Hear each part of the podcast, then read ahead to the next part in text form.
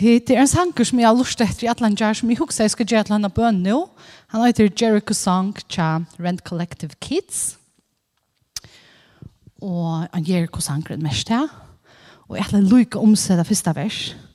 Bare år for år. Vi skrua nyer, eller vi kvel, akkurat som det var kvel utvars på, ja. Uh, for likten noen tja fortjent han Vi skrua fra for fralse sangen tutt navn veru i æver, sier sjanker okkara. Ok? Så Jesus, hessa løtna som vi kommer sitte her, så, så skruer vi bare nye for øtlenheim og liknån som en ønte kan planta og gjøre sinne. For øtlenheim liknån som han røyner sjåt etter okken hans her på idlån. Vi ber bare en sånn verden og verje av til Jesus. Takk for du på som røyser okken. Takk for du på som verje okken med øtlenheim idlån. Og vi innskjer bare at tjona inn og høyre fra til Jesus. At du er han som ser dere frelse, at du er han som fruer dere, at du er han som synger en frelsesang i dere. Du er tutt navn til det største navnet som er i ever. Tutt navn er det eneste navnet som man kan være frelster vi. Tutt navn er høyt opphevja og i everne. La det bare være okkar frelsesanker i kveld, og i morgen, Jesus. At det er sånne frelsesanker med tunne navnet skal være bare så um, høyt opphevjer her i det, at det er også flytter iver til deg som sitter her, Jesus, at de opplever hvordan du seter deg og i frelse. Det blir bare og i Jesu navn. Amen.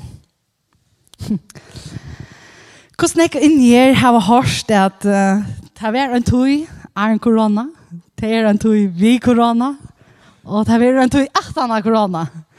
Det er lukket som, altså, man nästan håkar fingrene i öronen etter efterhand, ja, du vet. Man først får en möte en gång gott det snakker om korona. Eller så og hvis du er bench for at det får snakke om korona i Atlanta så får jeg ikke, så bare rolig, men men um, Hetta ver kanskje mer en tala om årstuna som vi er i, og kanskje er vi ur.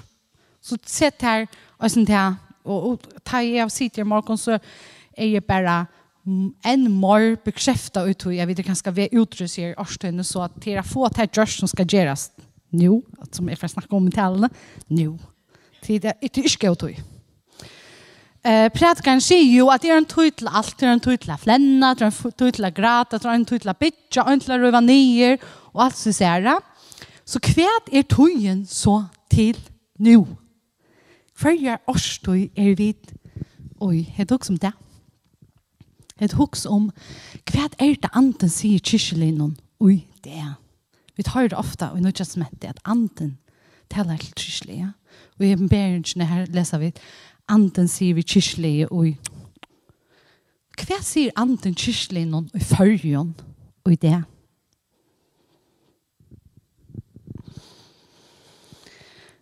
mitt i ötlen snär tunda fond någon och uppladninga av görron och samkommon och knapple Ola sög ötlen snär. Så vad skulle tid ha haft det? Men ena stan halte det mitt i juli, vad som det Jonas kanske juni juli man har skift här, vet du?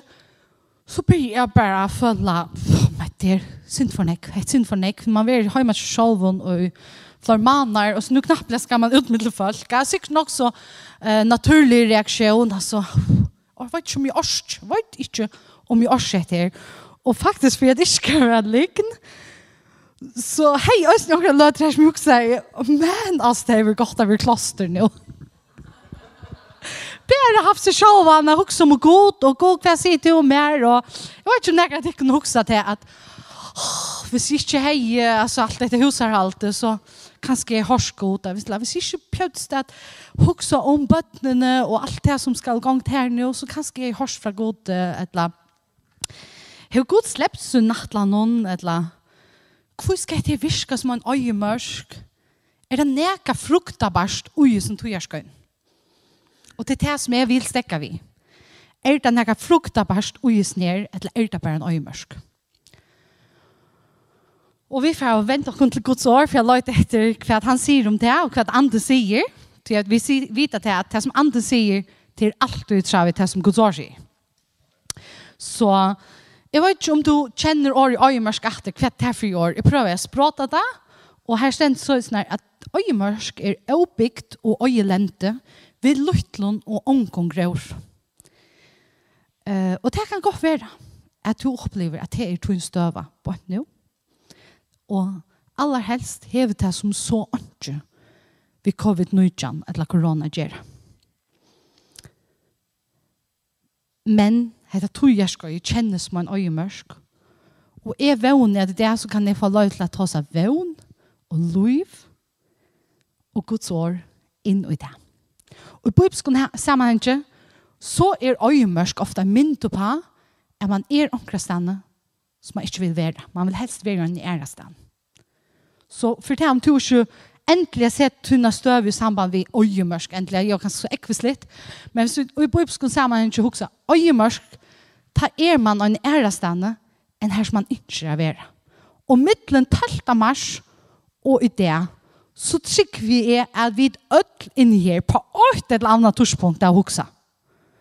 Men det tror jeg vi er akkurat det snir skal ikke tanke mer av er omkring æresten i løven på en nå. Og, og faktisk så trykker vi slett ikke at enda nere øymer som er tosig om, et eller annet årstøyen, er bare personlig. Trykker faktisk at god på en særlig måte har fingren av tjøvner, av låndene, akkurat nå. Altså, har hade ni hørt om det Det er som Joel sier i kapittel 8. Hur man näkrant hörst om sorget. Hade dit hörst näkrant snack om sorget. Tid skulle fortälja det för tycker bötten och tej för tar bötten. Alltså nu hooks om stövna så vet du. Vita hon kan ju om att hemmen stäcker upp och lockar ner och allt. Är vi hörst om det.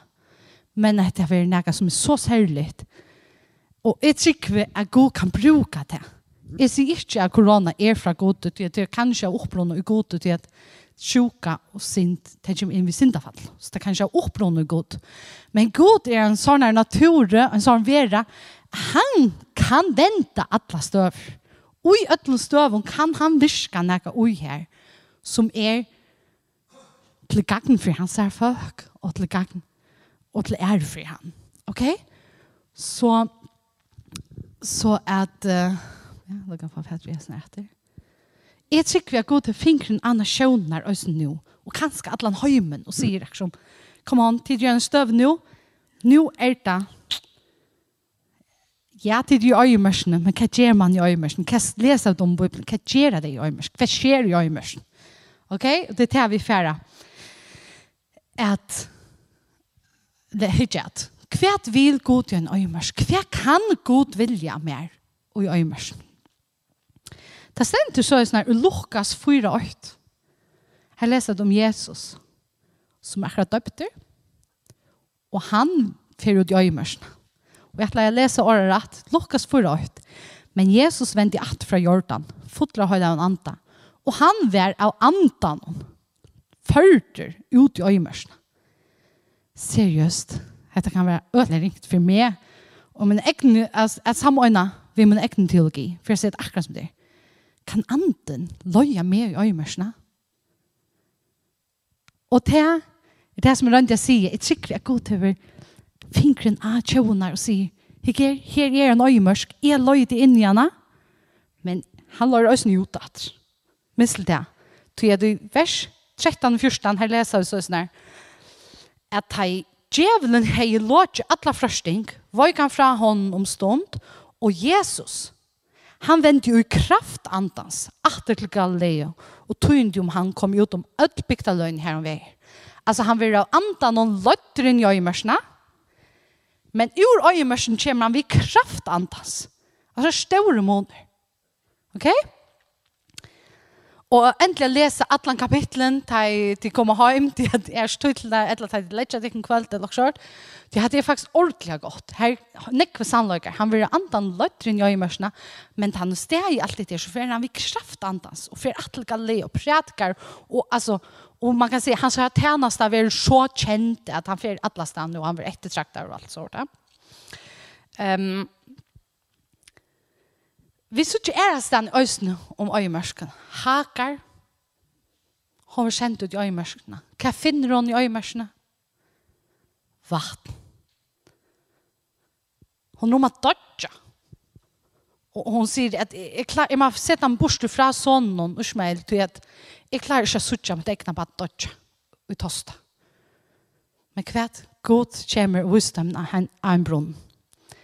Det samme med Moses. Moses Da han hever just a lost, uh, som mer enn nok nekker av åkne just, han er drip i en annan. Så får han å flutja ut i øyemørsene. Og mitt med han, han er her og passer seg for for uh, Jero, ha? Er det sjøsen han Jetro, Jetro.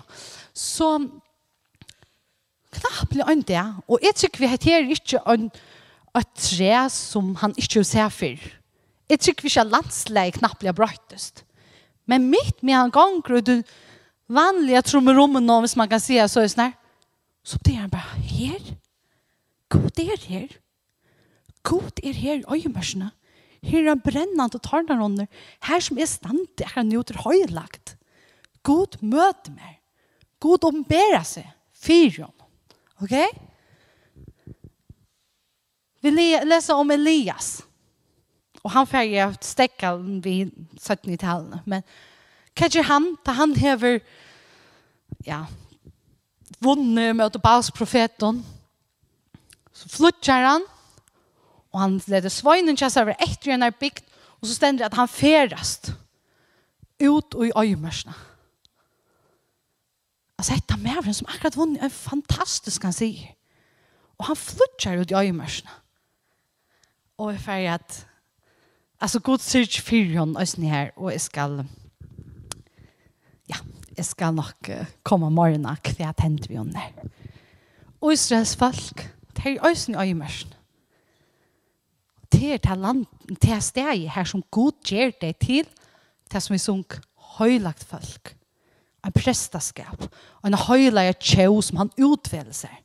Til ta det for forbliv et folk og en tjau, akkurat som jeg var ikke profetere, og det byrja vi Abraham og alt det her, men at det var tidsnøyder i Egyptaland, så er det knappt ikke bare en tjau, nu skulle det være prester, nu skulle det være en høyla tjau. Det skulle være de som viser hin og tjau noen, til det er ikke bare en tjau til i Bibelen. Det er russes folk som skal være prester, fire hine tjau, hine tjaunar, så at de kan være fire mynd fire, hvordan man kan leve, hvordan man kan kan ära god och hur man det var ett liv i samfla vi goda. Och det var det är det som är torra kall. Långt ta. Det är spärra till fyra att Jesus ska komma. Det här var långt kall och mission här. Att vara ett ljus för hina tjoner. Så omtalar Bibeln det er i øymersen det ble utvalgt til det. Det er i øymersen det få til mandatet. Det er i øymersen det få manna, god forsyrke døymon og alt det. Og så er det også Johannes døyparen. Han er ute i øymersene og bana vei for at Jesus skal komme. Og jeg mynda det er så tøyene så videre nå, nå i hese årstøyene som vi sier heter øymersen. Så kan hun bana vei for en og sånn og jøkken prate. Her som Jesus kommer og møter dere folk. Hvis du bare finner inn til god og Jesu Jørsten. Hvis du bare er villig til at møte honom og vi kjenner at god du er der. Ja, jeg er nek som jeg kan grenne om og klever og oh, bare det var så, bare det var så og tøymskjedde så, hvor skal bøttene spytte seg og alt det der. Men vi kan også virkjenne hva god du er styr to erst ui hese øyemørsene. Hekt her er en høyla løta. Hekt er en høyla årstu, du to kan møta meg. Du kan forsyrja meg, even naturligt. God vil nek i øyemørsene, og god han gjer nek i øyemørsene, og even naturligt. Og i Hosea 2, 14, her sier han så i sånn her, Tess vegna ville lokka henne og loja henne ut i øyemørsene. Det er noe som det. Det er god som tåser vi Israel. Tess vegna ville lokka henne og loja henne ut i øyemørsene kvøy. Jo, og tala blodlige vi henne. Det er mega godt. Så faktisk så er jeg her om god råpar åkken ut i et øyested sammen med honom. Hvor færre vi så ikke? Det stender at han vil tale blodlig til det. Jeg vet ikke om vi umynd åkken at at det er en pusker som møter åkken i øyemørsen.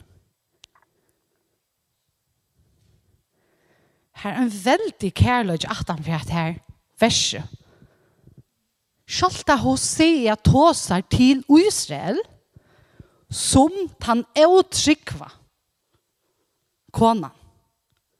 Så sier han at Gud skal løye han ut i øyemørsene så han kan ta seg blodlig Vi igjen.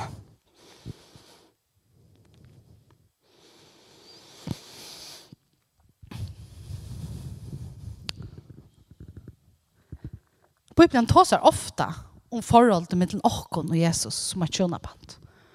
Og jeg kan bare si at okker tjønaband, så kan det øye kjøp løve alt det praktiske, alt det vanlige som rommet som jeg sier, praktiske oppgaver, omsorgene av bøttene noen, alt det som fytler nok snakk, og avtaler og alt sånt. Og ikke tale om tar man mangler en oppvarsmaskine og i halte til tjejmanner. Hun, hun ble sett til frutja der. Det er en trustrand av de halvståre. Og jeg har sikkert, hæ? Jeg har omgang til å få fotballsmaskin, så det er ikke problem. Men jeg og Henrik sa at begge, vi flytter ikke inn i et hus. Og den oppvarsmaskinen, det er kvartjen, til er å vaske opp. Så, så at fyrir okkar egna beste, så velger vi det for alt suyes. Og faktisk akkurat vi er i havn alt vikskiftet. Og, og, og jag kanske ska se det. Faktiskt ordentligt inte för att jag gick upp. Men jag visste bara, och jag visste att jag visste att vi skulle göra det. Och så mamma helter lägger tid till han sa häsa så lötna så kommer några andra griver, och så kommer det och du vet och i sida bara kanske ös för att uppmuntra kan ner så du bruk för för att så just vid du märker så gerta och gerta omtack skrever. Nej. Omtack att du skalt uh, finna och lösna för, bøttene, bötterna eller också anna eller det krever at du skal samla der pengar i en uh, negra manna, ger det allika väl det er det verst. Ok? det som så hender til, det har stått lest til, at jeg må bryta alla till alla i jarmoknen, ok? så jeg visste i øysene at grunnen til at jeg för det er just for jeg jag det er ösnen for at ja spær kom ut i ögonen kom ut i ett ögestä komma bort fra, för jag höra, okej? Okay? Så skot kalla till ut ett öjeste, kalla till onkel ärastan och bara borste fra. Så ger det så fär till det nemmare jag höra och lusta. Okej? Okay? Så det är det här talet som gör till jag och ni hej planlagt helt är talet som skulle till 5 april så. Men det tycker vi till 17 årsök att det han vi har här talet nu det. till att hon är till akra nu. Och jag, jag, jag följde inte att jag kunde gå i manna till en ärfärd så var det ungefär till honom. så fer endelig borste fra onkel Erstein her som oppkavner ikke råpe av det. Jeg vet ikke om de kjenner fra kyrkjesøvnene så har man noe som man kallar øyemarska fedrene. Og det er mennesker som får ut av byggva ui øyemarsen, ui hålen og forskjellige sort her, og det er tilbøper godt og, og søkte godt og, og profitera av og gøyra og, og mennesker, altså, valgfarsdag, som man sier, de, de vant seg til heser for jeg søker om det. Og faktisk, jeg tror vi heter, har nok banna veien for tusen mann, kattla kloster, retreat, og altså det er gus for en, en større uiplåster til alt det. Alla de rørslene vi, vi at bygge vi øynene og at ja, at fjerde og retreat og sånt. Det er en inspirasjon fra kyrkjefedrene som øymarska fedrene, som man kallar det. Og kanskje torra problem, det var at det var slags ui samfunnet. Sånn samfunnet kom ut til der, så det var så filtre av Guds andre, så vi at folk søk, oppsøkte der. Men måneder med den tar og åkken til at vi skulle være ui samfunnet, men ikke av heimene. Vi skulle leve ui heimene, men ikke av heimene. Så jeg tror vi har bruk for en rytme av at vi først trekker seg til søys. Jesus har bruk for det. Da han er tås til mannen min, når alt det er, så sier han, kom, kom vi bort til en åttende sted, Og så ser man at feltsen tenker ikke at navn Så venter han seg lykke etter, og grøy nøkker og fer fikse etter. Og så sier han at nå får jeg vite oss. Og så får jeg det. Borste klann et sted. Øyemørsen er ikke noe permanent sted. Det er fyrrøydinger sted. til å kvulter sted. Kvulter sted. Viktig. Og et sted vi iver naturligere forsyrking. Og det er riktig å fortelle deg akkurat nå, men jeg får prøve hvordan God faktisk har møtt meg aller mest bare jokken kvult. Ok? Jeg halte jeg nekker føringer tar for ringa samvisk hvis det kvilles. Det sender god og det ser kvult kjente det. Tog skulle vite om noen kvult og åkere tjener rundt arbeidsfølge og alt sånt der. Og enda svøvn, altså, det var så sånn at jeg har lyst til en bok om hvordan god og som bjør åkken inn til å være ansamme sammen med hånden. Og så er Elysium, det er ganske smart å se til det er av. Så jeg har sett meg nesten sånn at og frutja det er av, til å slette telefonene, og bare være ansamme og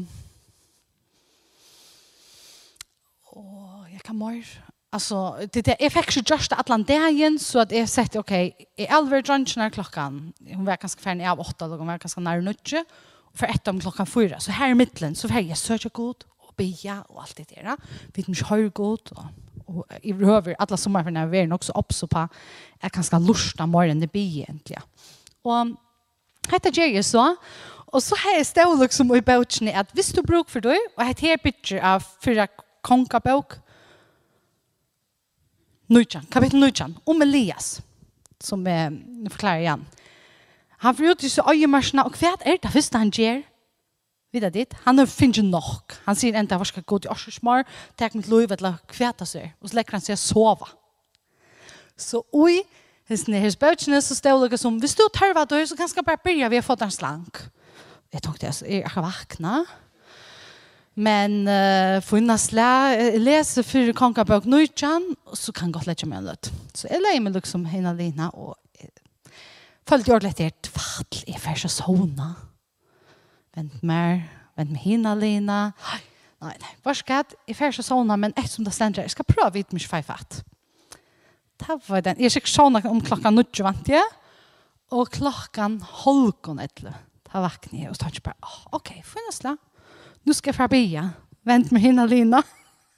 Alltså, jag var inte. Det är nästan flåsligt, så har jag inte för att fortälja för några och slags att sova. Jag vaknade efter halv två. Har annan här timme, det var en halvtimme efter att läsa bio. Men, jag halte at det er, og det var ikke at jeg ikke sover nettene fremme og sort, slett ikke er halte av vit, ofta halte til at det andar det.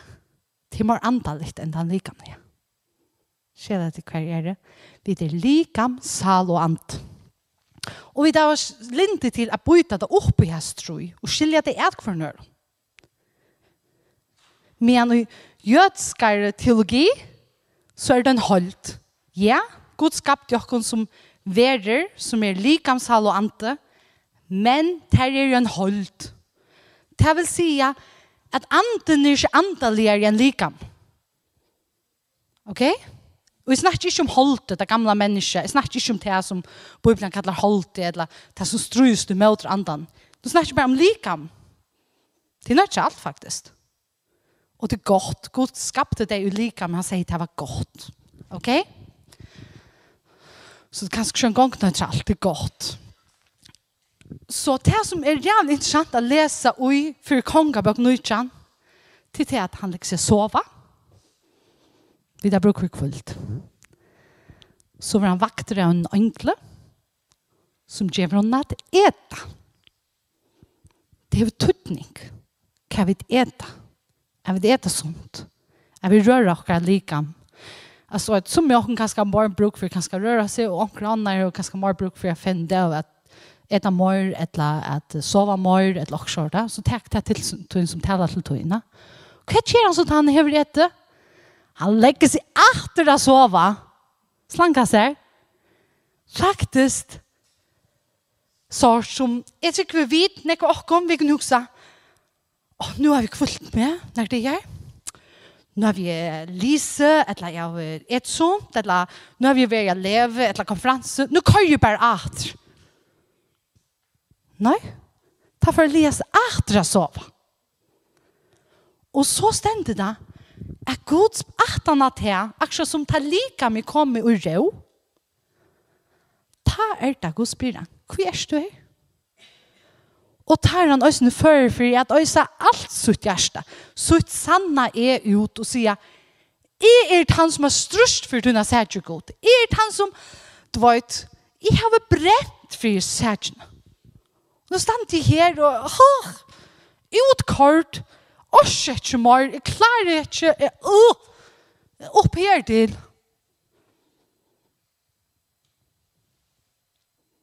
Og ta er takk og si, jeg skal komme og møte deg. Og i hettelen nå. Ok? God visste vel alt var her om Elia. Men Elia kan skal være ikke klar over sjølver hva han bærer på. Ikke for en at han er i sov, at han er kvult seg, at han er et, at han er sinne kanskje, og som er kommet sin morgen rå, så var han før for virkelig mer seg etter. Hva er det han sier anta, og hva er det for sorg som han ber? Og i antan noen. Til at han, han sier, jeg er ansam atler. Jeg er ansam atler etter at du hun profeten god. Så når jeg tenker, Så kom vi til å føle. Faktisk var det ikke sannløy. Men så opplevde han det. Det var jo jeg profeter røst. Men så kom vi til å oppleve det. God, her er vi er ved, og alt oppe i familiene, og i tunn år, og alt det her, og nå er det bare ferdig fra til god. Eller, jeg vet ikke hva man kan oppleve. Det Et banker dømer. Men heller her er vi er ved, og jeg har bygget, og bygget med seg vedkjensene, og bygget, og bygget, og bygget. Han var kanskje en gang eva man sorterer over kjetter langer og utmøtter av sånn.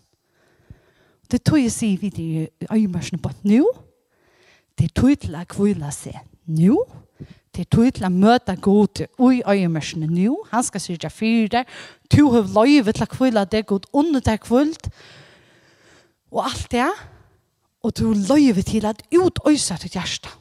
Tutt sanna er å si hett i det som er trøtter av god. Hett i det som er har brent for jeg ikke har orske til mer. Hett i det som, du vet det, og så stendte det, god, han kom møtte jo noen, og han møtte jo noen slett ikke, så som han er i råkna vi. Til tar vi til høyre at han sier, stilla tute bare, oi, hettlesmånen, så skal jeg komme for boi. Og god, vær ikke, og i stormen, og tåre og alt nesten her. Men han var ute milda låten. Jeg tykker hvis vi kunne komme inn og hekta, og hekta slei av forhold vi god, så kommer vi til å møte god i nudjon, og en mata, på en mata som ikke bare verer av og til, tusen det kostar, eller annet for meg, eller til noen stevner, men det er en vanlig pastor av din liv. Ok? Vi talte ofte til at en vi kommer en god til noe til som er forstilt mer.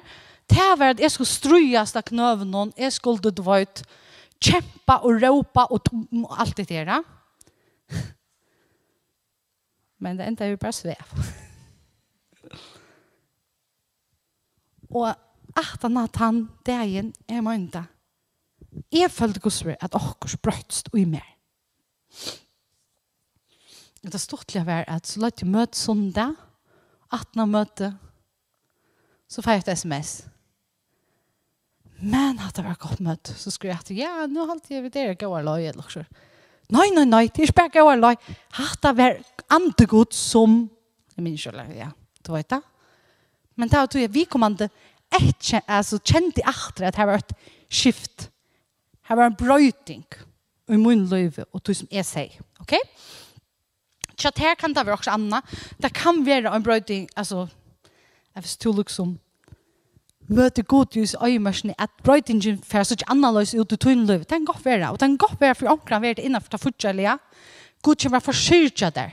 Tår er kvile, tår er press inn til han og sier, hei, det er det som er mangler god. Hei, hei, hei, hei, hei, hei. Altså, utan du forsyrtja meg, så klarer jeg det ikke. Sånne her ting, ok? Så om du kjenner anden drev det til et øyested av å sammen med hånden, så gjør det. Og her er det jeg kom til faktisk, gjør det kjøtt. Kjøtt. Jeg er så kjærlig riktig ved å sette tøya. Men hvis du kan gjøre det hese vikene, så gjør det hese vikene. Hvis du kan gjøre det neste vike, gjør det neste vike. Ok? Ok? til kommande vikskifte, så det var ordentlig godt. Du er trygg at det er noe nytt som vi skulle inn i, og i hvert er det som det trångt å komme inn i til nytt i årstøyene. Det krever vi hvert at alt er tidlig av, og, og, og til søyes, og vi vil må ut av et øyested. Jeg har faktisk en sånn tekst som jeg har skrivet, som jeg kan... Ja. Og det handler faktisk om at uh, en av oss løtene, da jeg bare lurte etter god uh, i sommer, så fikk jeg bare sånn myndene av rettene. Men uh, hadde vært fjattelig, og man har ikke seg inn i rettene. Anker sier har rønt å slappe undan. Anker sier har rønt å omgenge etter steg. Jeg skal ikke så rattene stå vil ha med noe, ja. Men kvært, det er ikke for en seieren kommer inn i hans rettene han kan få omsorgen, at han kan slippe av disse som på omkring måte, oh, du vet, forar honom og, og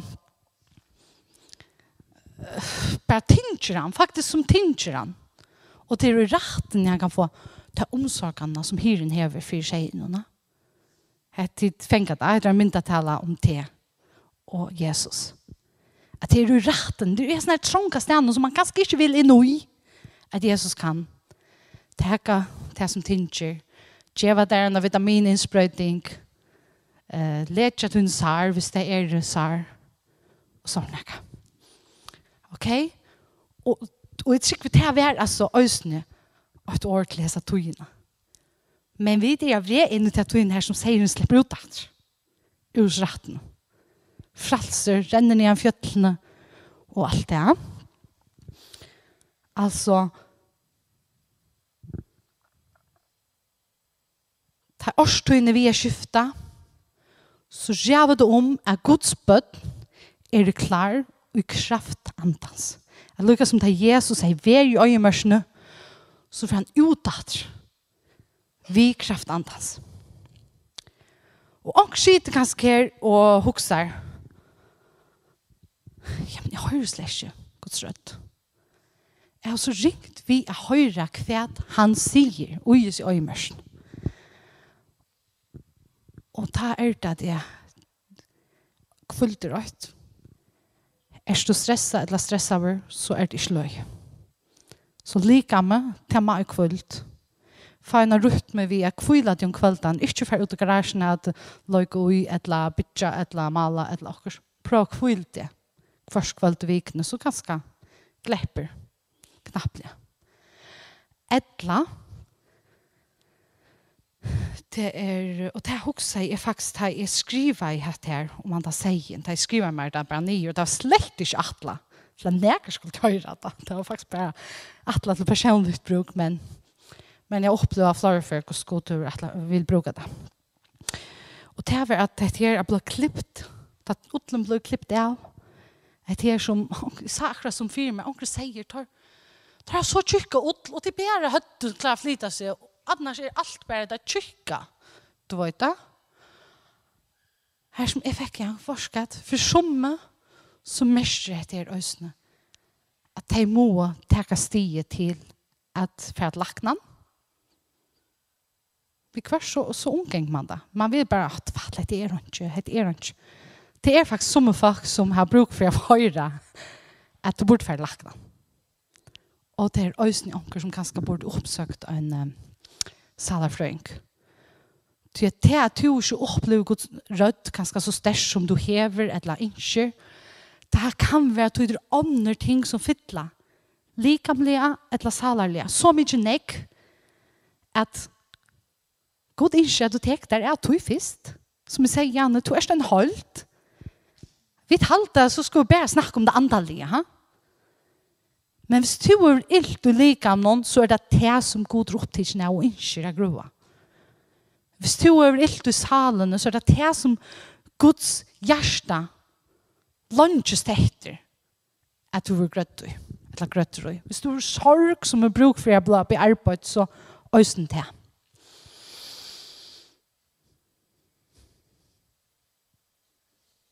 Og som sagt, kjør det nå til til årstøyen til den nå. Til til tryggve er vi skulle ut ur årstøyene vi kraft andan her som kommer til å opp i noen ting og gjøre okker land. Her skal vi komme at kanskje enda suttje til at dere land skifter kaos. Så det her bare at vi suttje til at mennesker kommer å legges til Guds rydde. At vi suttje til at mennesker vakner achter. At vi suttje til at mennesker var kopplet inn og Og jeg på samkomna, det er ikke bare å si, og du tar hukser jeg ofte om at følgen er det, som det stender skriften, jeg en nekk folk her som stenen. Hvis jeg hukser om klakksøk, så hukser jeg, ja, men god, det er nekk folk her som stenen. Men ødelig er ikke kopplet jo på det som god gjør, eller det som vi kallar samkomna. Og nå snakker snackar om samkomna med stora ästelser. Man ikke skuld gloria og asan eller noe. Men det trykker vi at ødelig trykker trick vand över pastor av samkomna. Og det er man ved å være av når lokale samkom. Øyner lokale samkom. Ok? Og jeg tykker faktisk et annet ting som vi må gjøre opp vi, og færre er gjøre opp vi, og kanskje enda så kjøtt som vi vet det, eller i oktober, eller byrja kanskje i oktober, det er jeg følger vi kallet The Land of Maybe. The Land of Maybe. Altså, det var ønskjøsmenn som gav følgen landet navnet landet her som han sier kanska. Og til alt godt vi at kanska, du vet da, for det er ikke hatt det kanska om det vikrar og alt sånt her. Det er godt å være rolig, det er godt å være fleksibel til mamma hvis man bor i fyrjon, til mamma bruker til vekkere sås. Så det er positive, positive ting knyttet til sin navn. Men, det er også noen ting som ikke er positive, jasen skilja det karriere. Ta to, ta vi snakka om Guds rujt. Ta vi snakka om det forhold vi Jesus. Så nyttar kanska ånd. Milt sagt. Det skal være ja eller nøy. Høyter eller kalter. Hikkars brukast. Hikkan simpelt hen ikke brukast. Guds rujt handlar om at du hørst vi, eller møter. Du er høyter eller kalter. Du er ja vi er et ja, og du er nøy vi er nøy. Yikes, sier det.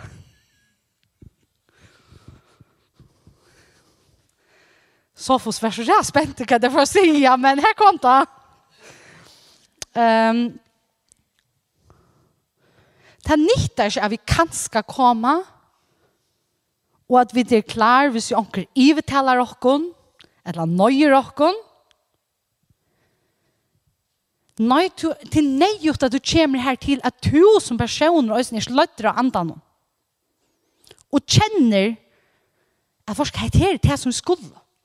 Det er mye kvalt, yes, det er det som skulle, det er det som er for å bakke opp om, det er det som er for at investerer nå i. Hvis jeg har bruk for en kake, så ber jeg til. Hvis jeg har bruk for onker i køtjen, så gjør jeg til.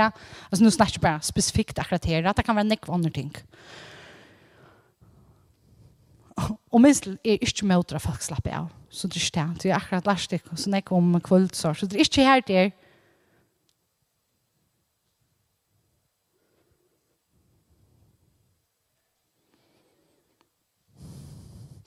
Men hvis du er ikke å være vi utøy som god ikke gjør og i følge, så kan så nå og i øyemørsene og bestemme det nå, og ikke vi kan skal, hvis vi øyne Du vet, hvis det er vedgjeng og huset er fullt der, så kommer jeg kanskje møte, eller hvis bøttene kommer og ja, men så må jeg helt til færre begynne å komme sånn og det, eller, eller høstkveld, eller et eller annet. Nei, bestemmer det nå. God handlar, han hever til vi handler på luttene til noen favon. Han er ikke avhengig av fjöldene. Det er han ikke. Han hever til vi at handla på luttene til noen favon. Og det er så som vi har sett av vetjengar har vært. Det er nøk fa, altså det er alltid å av forspill til en vetjeng. Man kan ikke behalde det at det kommer bare dette ned i luften. Det er det ikke til nøkker som har valgt å bia, til nøkker som har valgt at samlast, til nøkker som har vært trofast. Hvordan eier det løyte ut i det trofast i landet nå? Mm -hmm. Og nekva de er her. Nekva de trofast i landet nå, det er inne her. Bøtten jo.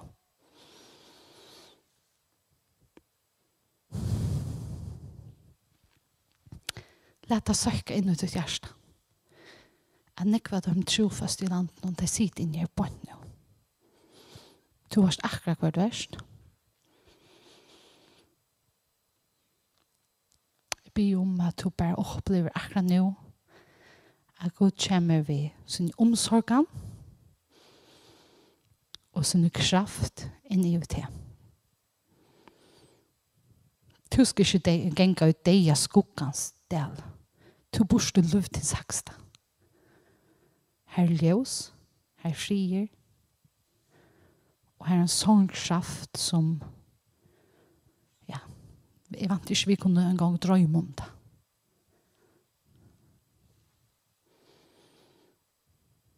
Jesus er bygge for oss ned, trofast i landet om. At jeg må få kraft av nudjon, at jeg skulle hevige seg som er ærna vantjon.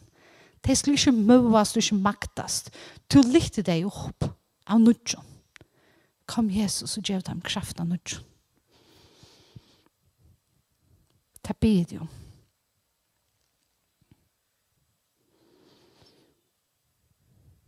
Ja, vi får be nå. jeg har sagt det som jeg skal si. Jeg tror jeg vi skulle røyse dere be. Kanskje Jan er han her? Jep, gitter. Gitter kanske bara att låtsas böcker om vi studerar Katarina och Ja. Kom bara upp.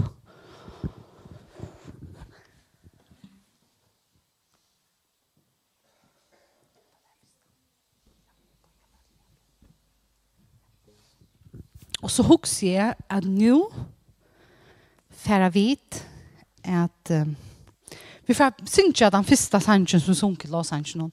Vi det är ju höjlagt folk och lova gode litt hender opp over det prestaskapet. Altså, hvis du innskjer at jeg kan støve jo i akkurat det nere som jeg sier, akkurat som, her som vi der nå, det nytter ikke kanskje, det nytter ikke er vi, hvis jeg kline, et eller annet.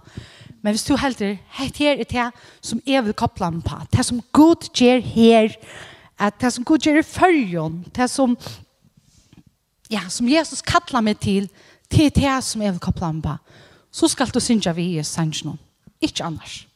Det er så jævla viktig at ja, at vi tar tingene av vårlig som har god å gjøre til de høyleier sætter og vi tar ikke bruk for at uh, tar lagt på det.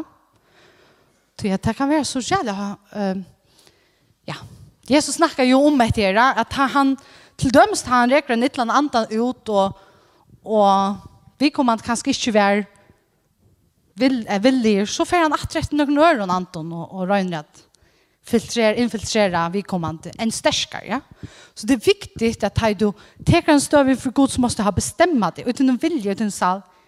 Är hetta det som vill jag eller nej ta bi efter vill det så ger det. Men hvis inte så huxa att lugga om andra gesta okej okay? till jag huxa jag vi skulle be om att omvänt oss flies near the land of maybe. At jeg, Jesus, jeg sier bare for meg, jeg omvendt meg til at jeg var sløv. Jeg har omvendt meg til at jeg har sagt kanskje, jeg kobler meg på at jeg vet ikke om jeg begynner, eller ta et henne jeg har gjort det, kjempe arbeid som skal gjøres da, så kobler jeg meg på.